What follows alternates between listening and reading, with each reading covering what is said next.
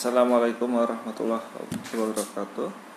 Alhamdulillah biramin Kita ketemu lagi dengan saya Dr. Bram Irfanda dari Irfanda Capital Kali ini kita akan bahas tentang Mayura Atau kodenya MYOR Jadi Mayora ini seperti Unilever Indonesia Jadi produk konsumen tapi lebih ke makanan di makanan dan minuman.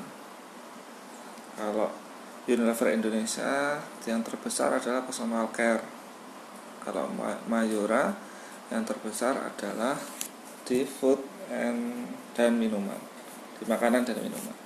Terus Mayora ini nama perusahaannya adalah PT Mayora Indah. Nah, Mayora ini berdiri tahun 19 77 di Tangerang. Terus kemudian melakukan IPO di tahun 1990 jadi 1990 dia IPO Mayora ini dimiliki oleh keluarga Atmaja. Jadi kalau kita lihat di jajaran direksi dan komisaris maka direkturnya sebagian ada tiga orang itu adalah eh, anggota keluarga Atmaja.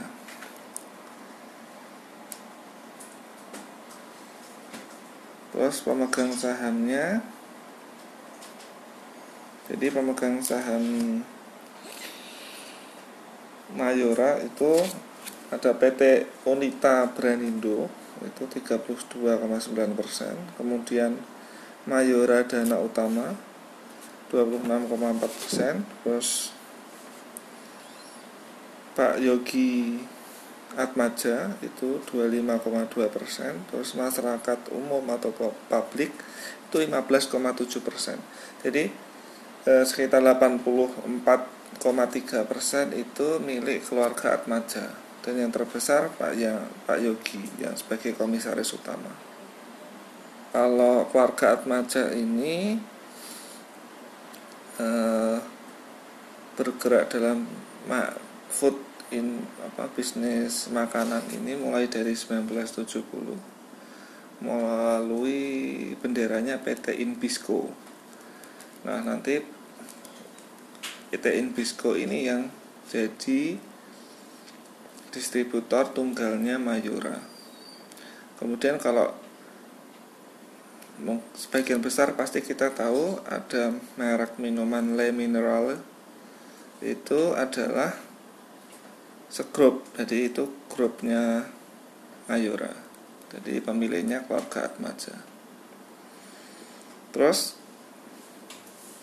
bisnisnya dari Mayora ini ada beberapa yang semuanya berhubungan dengan makanan dan minuman satu yang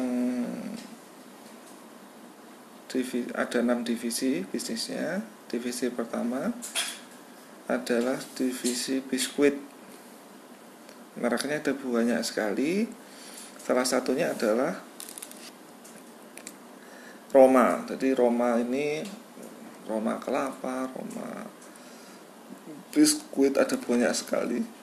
Ada 12 jenis terus ada lagi slay ole ada lagi better. Terus sari gandum. Terus butter cookiesnya mereknya royal choice. Terus super keju dan coffee joy. Terus berikutnya divisi berikutnya adalah permen. Jadi permen ini ada Kopiko mereknya Kiss dan Tamarin terus wafer divisi wafer brandnya antara lain Bang Bang terus Astor terus Roma Kalpa Superstar. Terus berikutnya yang keempat adalah divisi coklat dengan brand Coki Coki dan Bang Bang Drink divisi yang kelima adalah kopi di antaranya Torabika, Kopiko sama Tora Cafe. Yang keenam divisi makanan sehat yaitu Energen dan Prima Cereal jadi itu enam divisi dari Mayora. Nah sekarang kita ke sisi bisnisnya Mayora ini itu tidak hanya mengandalkan penjualan lokal, tadi penjualan di Indonesia saja, tapi dia Mayora juga mengandalkan penjualan ekspor. Jadi Mayora sudah diekspor ke lima benua. Nah, di tahun 2018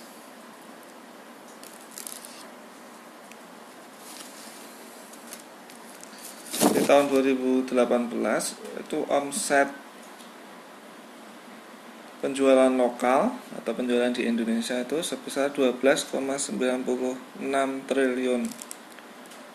Sedangkan penjualan ekspor sebesar 11,1 triliun. Jadi hampir hampir apa namanya hampir seimbang ya antara penjualan lokal dan penjualan ekspor. Jadi keren sekali.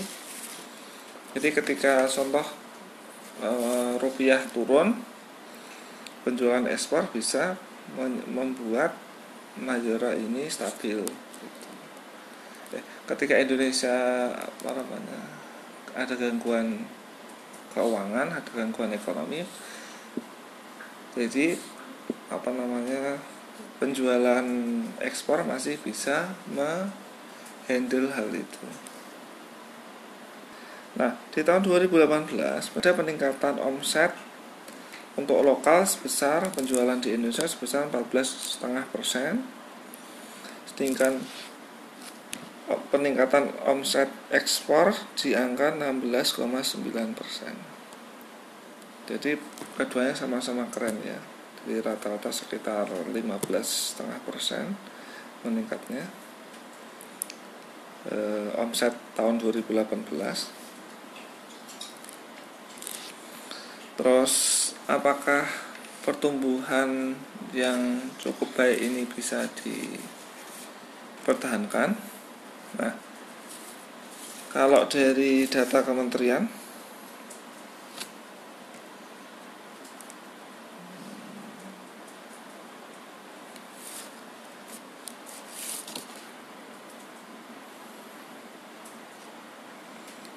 data Kementerian Perindustrian, industri makanan dan minuman dalam kemasan tumbuh 7,9% di 2018. Jadi besar ya. Jadi pertumbuhannya besar dan Mayora berhasil melampaui itu jadi keren. Terus kalau dilihat dari divisi mana yang menghasilkan apa namanya?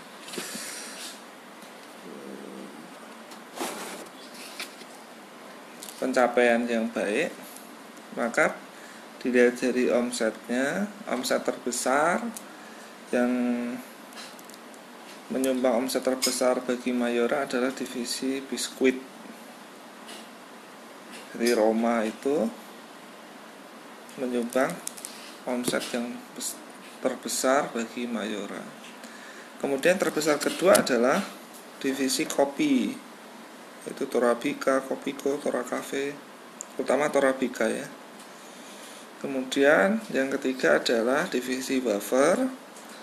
Kemudian yang keempat adalah divisi makanan sehat.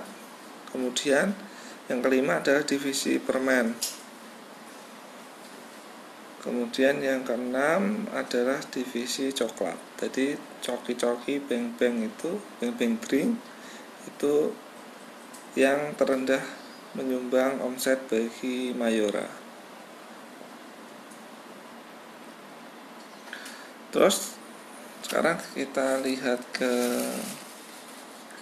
ikhtisar keuangannya.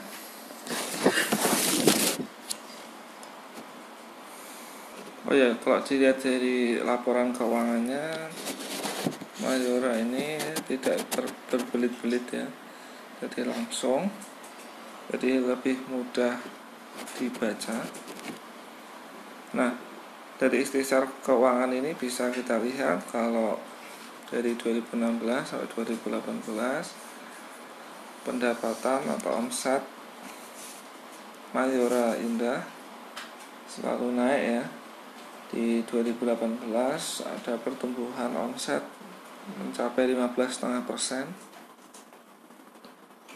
Laba brutonya juga tumbuh.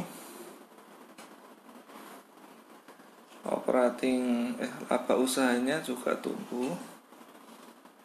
Terus laba bersih laba pem, laba pemiliknya juga tumbuh.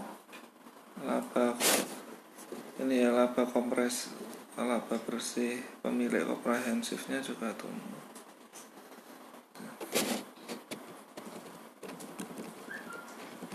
Ini laba per tumbuh tumbuh terus ya ini tumbuh 7 10 persen atau persen.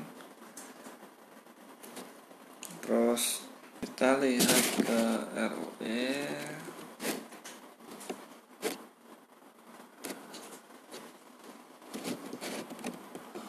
dan ROA laba terhadap ekuitasnya.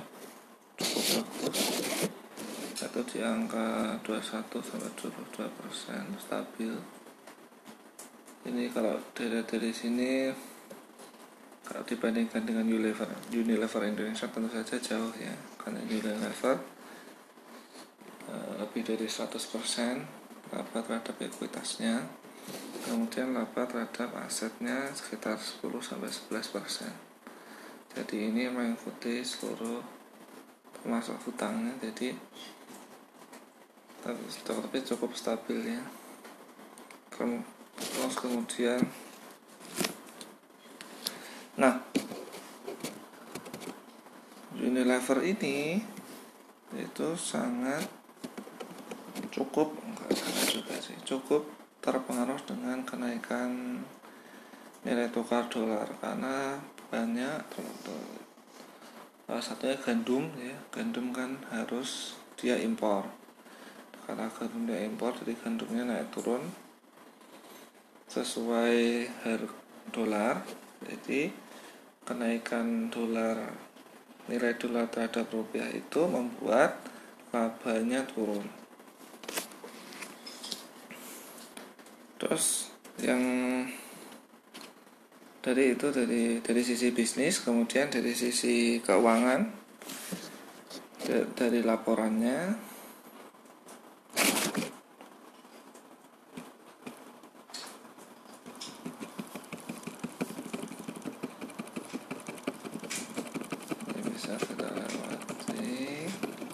Dari sisi keuangan yang unik adalah uh, auditornya. Jadi auditornya itu pakai yang termasuk nah ini. Mirawati Sensi Idris. Jadi uh, akuntan publiknya pakai Mirawati Sensi Idris dari Moore Stephen. Jadi enggak termasuk Big Four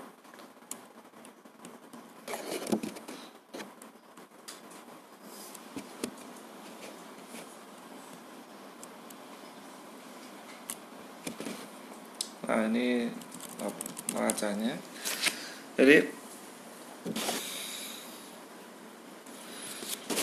di haluan neraca ini yang paling keren adalah adanya utang bank jangka pendek sebesar satu setengah triliun. Jadi ini satu setengah triliun utang bank jangka pendek. Kemudian hutang bank jangka panjang sebesar 2002 kok 2 triliun 220 miliar. Kemudian ada hutang obligasi 2,3 triliun. Dan tapi secara walaupun ini jumlahnya cukup besar ya jumlahnya ini sekitar 6 jadi jumlah utang berbunganya 6 padahal ekuitasnya 8 jumlah utang berbunganya 6 triliun. Sedangkan jumlah ekuitasnya itu sebesar 8,3 jadi cukup besar dibandingkan ekuitas. Tapi bila dilihat dari solvabilitasnya ini aman jadi mayora ini aman dari solvabilitas. DER dan net gearing rasionya termasuk aman. Likuiditasnya juga aman. Modal kerja bersihnya karena rasionya lebih dari dua dan modal kerja bersihnya besar. Nah, sekarang kita lihat dari sisi manajemen. Jadi keluarga Atmaja ini dalam manajemen bisnisnya keren ya, jadi tumbuh terus. Jadi salah satu contohnya Le Mineral. Le Mineral itu sekarang jadi benar-benar jadi pengganggunya Aqua ya.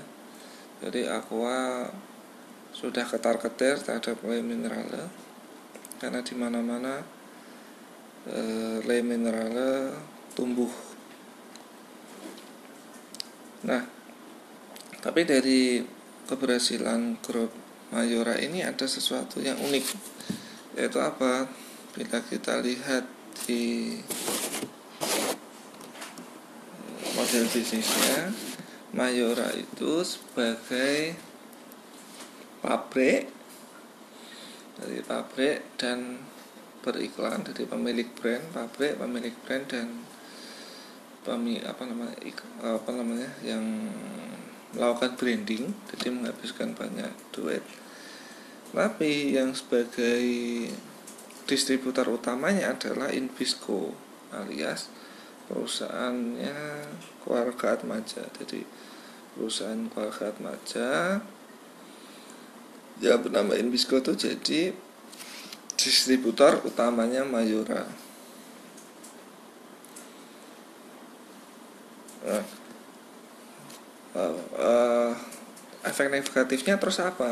Nah, efek negatifnya adalah bisa terjadi benturan kepentingan. Karena Invisco ini perusahaan private, perusahaan yang 100% milik keluarga Atmaja, maka warga Atmaja bisa e, bermain walaupun tidak bilang kita bermain ya. Kita tidak bilang warga Atmaja bermain tapi ini contohnya bagian dari apa namanya antara penjualan dan laba apa namanya itu margin net profit margin yang hanya 7% yang di kisaran 7% itu Kenapa bisa terjadi? Jadi seperti pelajaran di TBLA Tunas Baru Lampung dan yang milik grupnya Sungai Budi dan Aisyah di mana distributornya adalah perusahaan pem, perusahaannya pemegang saham pengendali maka laba itu bisa dikasihkan ke distributor. Jadi yang mayorannya dapat laba kecil distributornya bisa dapat laba yang cukup banyak jadi bisa jadi terjadi gitu. Jadi maka itu kenapa net profit marginnya mayora itu hanya kisaran 7% terus yang berikutnya adalah adanya piutang pihak berelasi yang besar. Jadi ini ada piutang pihak berelasi sebesar 4,6 triliun. Dan ini yang kita lihat di Inbisco aja Inbisco itu punya piutang usaha di akhir 2018 sebesar 3,5 triliun. Kemudian Yijia itu distributor luar negeri yang sama-sama dimiliki oleh keluarga Atmaja itu punya piutang usaha 590 miliar. Kemudian Sun Resource Sun Resources punya piutang usaha 277 miliar. Yo Yoji Yijia dan Sun Resources itu keduanya distributor Mayora di luar negeri yang sama-sama dimiliki oleh keluarga Atmaja. Masalahnya ada ini. Jadi ketika Inbisco ini utang utang usaha ke Mayora ke Inbisco ini sebesar tiga setengah triliun dan eh,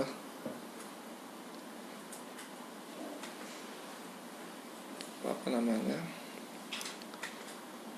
di di catatan piutangnya itu sebesar tiga setengah triliun itu belum jatuh tempo.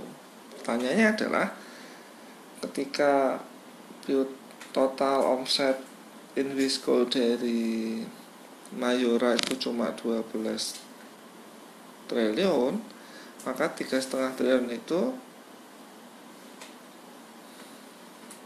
lebih dari seperempat gitu.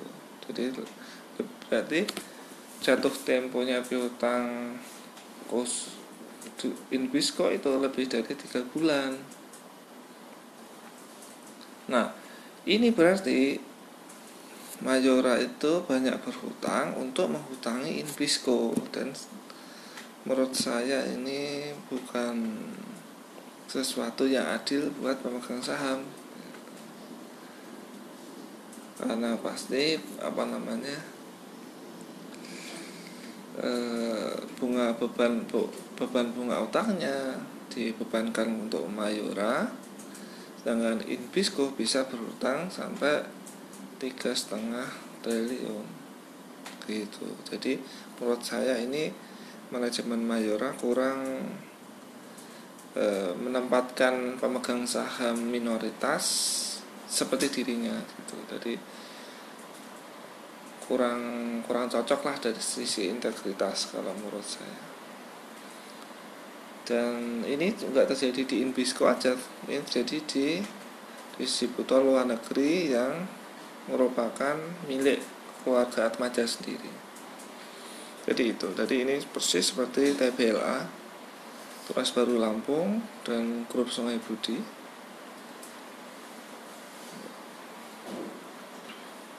Terus berikutnya yang cukup unik adalah OCF nya jadi OCF nya ini turun. Operating cash flow nya di 2015 itu eh, 2018 itu 459 miliar sedangkan di 2017 itu 1,275 triliun. Jadi penurunan yang sangat drastis sekitar 800 miliar tapi omsetnya naik. Dan ini sesuatu hal yang agak unik gitu. kalau anda paham e, analisa keuangan ini sesuatu yang agak unik. Jadi ketika terus selain itu ada persediaan yang bertambah. Bila kita lihat di neracanya ini persediaannya bertambah satu setengah triliun dan ini unik gitu karena OCF nya menurun. Nah, tapi sekali lagi ini bukan suatu tuduhan ya jadi kita berprasangka baik tapi tetap harus hati-hati kalau ini sesuatu yang tidak biasa yang sesuatu yang unik. Terus kalau kita lihat dari harga sahamnya harga sahamnya Majora eh, ini pernya sekitar 30 30 sampai 40 30 30 sampai 35 kali dengan PBV 6 6 setengah kali jadi ini suatu angka yang cukup besar ya jadi angka yang cukup besar dan apakah ini wajar untuk Mayura? Jawabannya adalah wajar. Jadi jawabannya adalah wajar dengan tingkat pertumbuhan yang omset dan laba yang masih bagus, angka segini masih wajar. Namun bila eh, melihat manajemen yang secara integritas e, cukup meragukan karena masalah operating cash flow tadi dan masalah piutang maka harga sahamnya Mayora sekarang ini bisa dibilang agak terlalu mahal. Jadi mungkin nanti di bawah 2000 Anda bisa masuk untuk uh, beli sahamnya Mayora tapi kalau di atas 2000 masih terlalu mahal. Nah eh, sekarang kita sampai pada kesimpulan. Untuk kinerja bisnis kami nilai kami beri rating A untuk Mayora. Terus kinerja keuangan kami beri rating B terus untuk kinerja untuk rating manajemennya kami beri nilai D. Terus harga sahamnya kami beri nilai rating C. Jadi begitu ya. E, mungkin kalau ada pertanyaan tentang Mayora bisa posting di kom di kolom komentar mungkin kalau ada waktu kita akan membahasnya. Jadi terima kasih atas perhatiannya. Insya Allah kita ketemu lagi di ulasan-ulasan emiten Bursa Efek Indonesia berikutnya. Mohon maaf bila ada kekurangan mohon maaf bila ada kata-kata yang kurang berkenan Assalamualaikum warahmatullahi wabarakatuh